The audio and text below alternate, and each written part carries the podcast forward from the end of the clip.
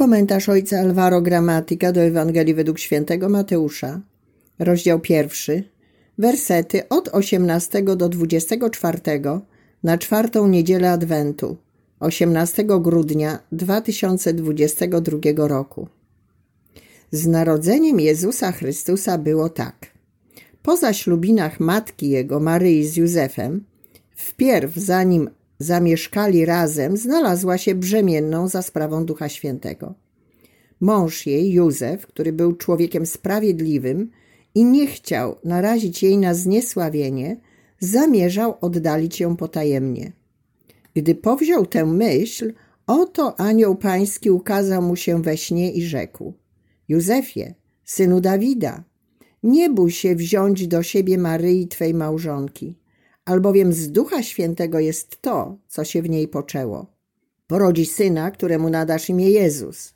On bowiem zbawi swój lud od jego grzechów. A stało się to wszystko, aby wypełniło się słowo pańskie powiedziane przez proroka.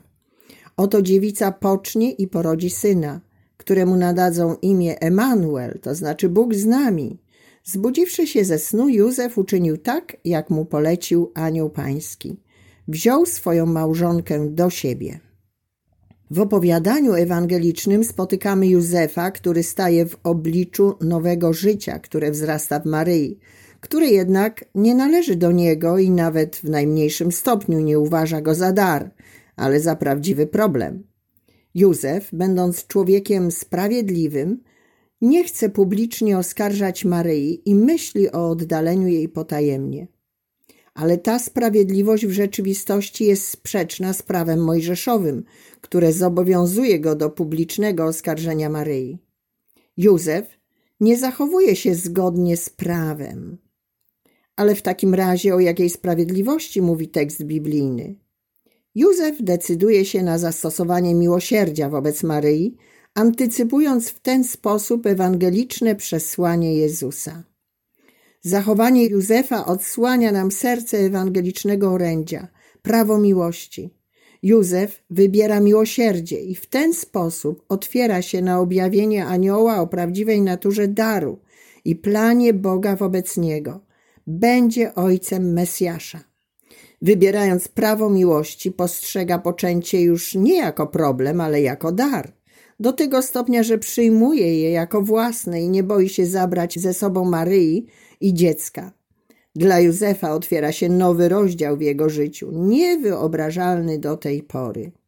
Będzie to błogosławieństwo dla Józefa i on sam doświadczy prawdziwego oblicza Boga, Emanuela, Boga, który jest zawsze z nami, z ostatnimi, z opuszczonymi, potrzebującymi obrony, przyjęcia, potrzebującymi miłosierdzia.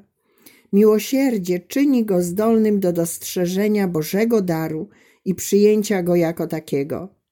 Również i my często nie potrafimy przyjąć daru od Pana, ponieważ burzy on nasze plany i nasze wyobrażenia, postrzegamy go jako problem, przez co Boży plan wobec nas staje się daremny. Tracimy okazję, by poczuć, że Bóg jest blisko nas. Często za pierwszym wrażeniem i trudnościami kryje się dar, który należy rozpoznać i przyjąć dla naszego własnego szczęścia. Gdyby Józef nie przyjął dzieciątka Jezus, nie przyjąłby planu, jaki Bóg miał wobec niego i nie doświadczyłby daru bycia ojcem Mesjasza.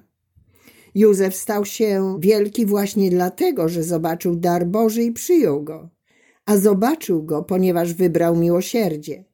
To miłosierdzie pozwala nam odkryć dar Boga i otwiera nas na Bożą moc.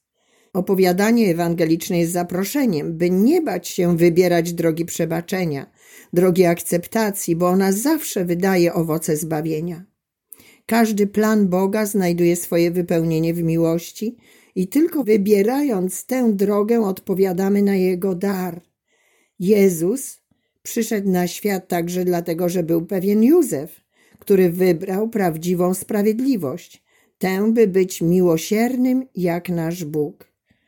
Tylko wybierając drogę miłości, doświadczymy i zaświadczymy o prawdziwym obliczu Boga, Emanuela, który zawsze jest z nami.